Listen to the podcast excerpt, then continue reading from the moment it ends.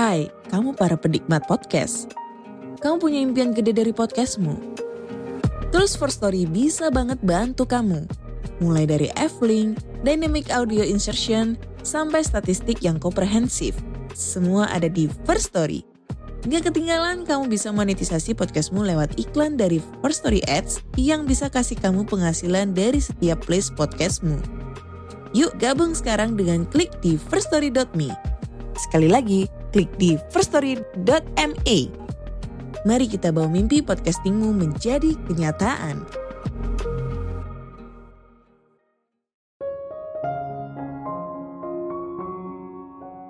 Daripada selalu mengeluh atau menyesal atas hidup yang kita miliki sekarang, kita perlu belajar menerima kalau hidup itu kadang berantakan, tidak berjalan sesuai rencana, dan sering kali tidak utuh.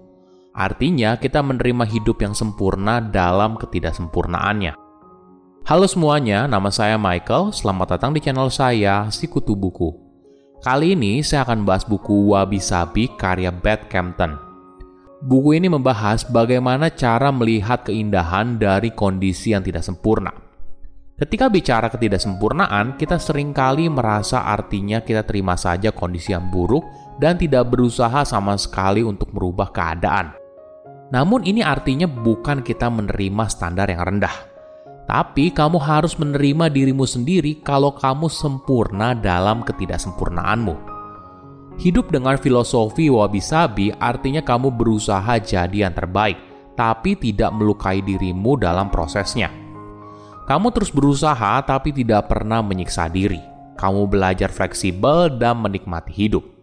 Sebelum kita mulai, buat kalian yang mau support channel ini agar terus berkarya, caranya gampang banget. Kalian cukup klik subscribe dan nyalakan loncengnya. Dukungan kalian membantu banget supaya kita bisa rutin posting dan bersama-sama belajar di channel ini.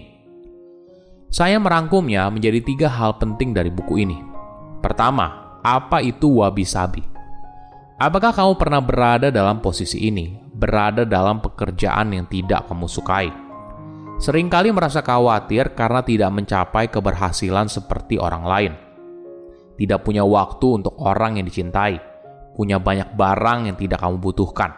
Hidup berjalan begitu saja dan kamu merasa tidak punya kendali. Ada sebuah konsep dari Jepang yang mungkin saja bisa membantu kamu, dikenal dengan nama wabi-sabi. Menariknya, kata ini jarang sekali diucapkan secara lantang. Tapi wabi-sabi merupakan sesuatu yang ada sebagai filosofi hidup yang mengakar pada kehidupan dan budaya orang Jepang. Oke, tapi apa artinya? mungkin baiknya kita perlu memahami dua kata tersebut secara terpisah. Dalam bahasa Jepang modern, wabi itu berarti hal-hal yang segar dan sederhana. Untuk memahaminya, maka kita perlu kembali ke upacara minum teh kuno Jepang. Selama pertengahan abad ke-16, meskipun Jepang memiliki seorang kaisar, negara itu benar-benar diperintah oleh tuan tanah feodal yang dikenal sebagai daimyo. Para prajurit samurai yang melindungi kastil dan perkebunan daimyo telah mulai minum teh agar mereka tetap terjaga pada saat jam malam. Upacara yang disertai dengan minum teh merupakan kesempatan untuk menikmati momen ketenangan dalam kehidupan mereka yang penuh kekerasan. Namun tak lama kemudian, minum teh menjadi bagian dari kehidupan istana yang mewah dari kelas penguasa, dengan ruang teh dan peralatan yang penuh hiasan. Alih-alih upacara tenang yang mencerminkan asal-usul zennya, upacara minum teh menjadi hiburan mewah semata. Kemudian, seorang ahli teh untuk daimyo Toyotomi Hideyoshi yang terkenal bernama Senorikyu memutuskan untuk merevolusi upacara minum teh. Dia menolak kemewahan upacara minum teh, lebih menyukai versi dengan peralatan sederhana dan ruang minum teh yang lebih kecil. Alih-alih menandakan kekayaan, upacara tersebut harus merayakan kesederhanaan dan keindahan alam. Gaya upacara minum teh Rikyu dikenal sebagai teh wabi atau wabi cha Wabi kemudian menyiratkan pola pikir yang menghargai kesederhanaan, kerendahan hati, dan berhemat. Nah, sekarang kita akan bahas kata kedua yaitu sabi. Sabi berkaitan dengan sesuatu yang punya bentuk antik atau kuno. Seiring berjalannya waktu, kata tersebut digunakan untuk menggambarkan sebuah kecantikan yang berasal dari sesuatu yang menua secara alamiah, di mana hal itu tidak membuatnya menjadi lebih buruk, tapi justru membuatnya jadi lebih indah dan berharga.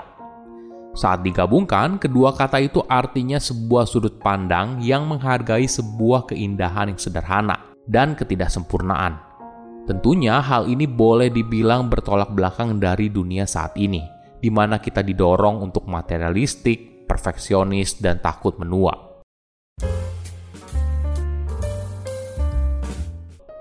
Kedua, tips latihan wabi-sabi. Oke, jadi bagaimana penerapannya dalam dunia nyata? Mungkin bisa dimulai dari rumah. Dalam rumah yang menganut filosofi wabi-sabi, ketidaksempurnaan merupakan sesuatu yang patut dirayakan. Tidak semua orang bisa tinggal di rumah yang gaya interiornya mirip seperti majalah desain atau foto Instagram yang cantik. Intinya begini, rumah adalah tempat di mana seseorang tinggal. Rumah seharusnya menjadi tempat di mana seseorang merasa nyaman dan aman, Artinya, kadang kita harus menerima bentuk yang tidak rata dan berantakan yang dibawa manusia ke dalam tempat tinggal mereka. Simpanlah barang yang membawa kebahagiaan untuk kamu, bukan hanya sekedar pemenuh ruangan atau sekedar cantik saja. Dalam ruangan yang tidak terlalu berantakan, kamu bisa fokus pada hal yang benar-benar penting, seperti hubungan kamu dengan orang yang dicintai, memori, dan momen keindahan dalam hidup. Filosofi wabi-sabi juga erat kaitannya dengan kembali ke alam. Ketika kita memperhatikan alam, maka kita akan mulai sadar atas keliling, suara air yang gemericik, suara angin, suara daun yang berguguran, dan sebagainya.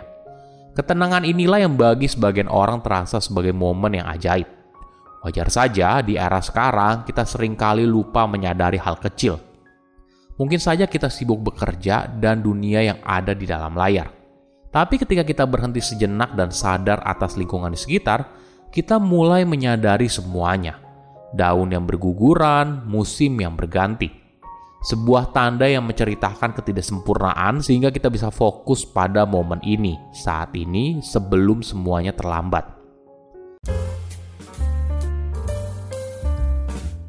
Ketiga, belajar menerima ketidaksempurnaan.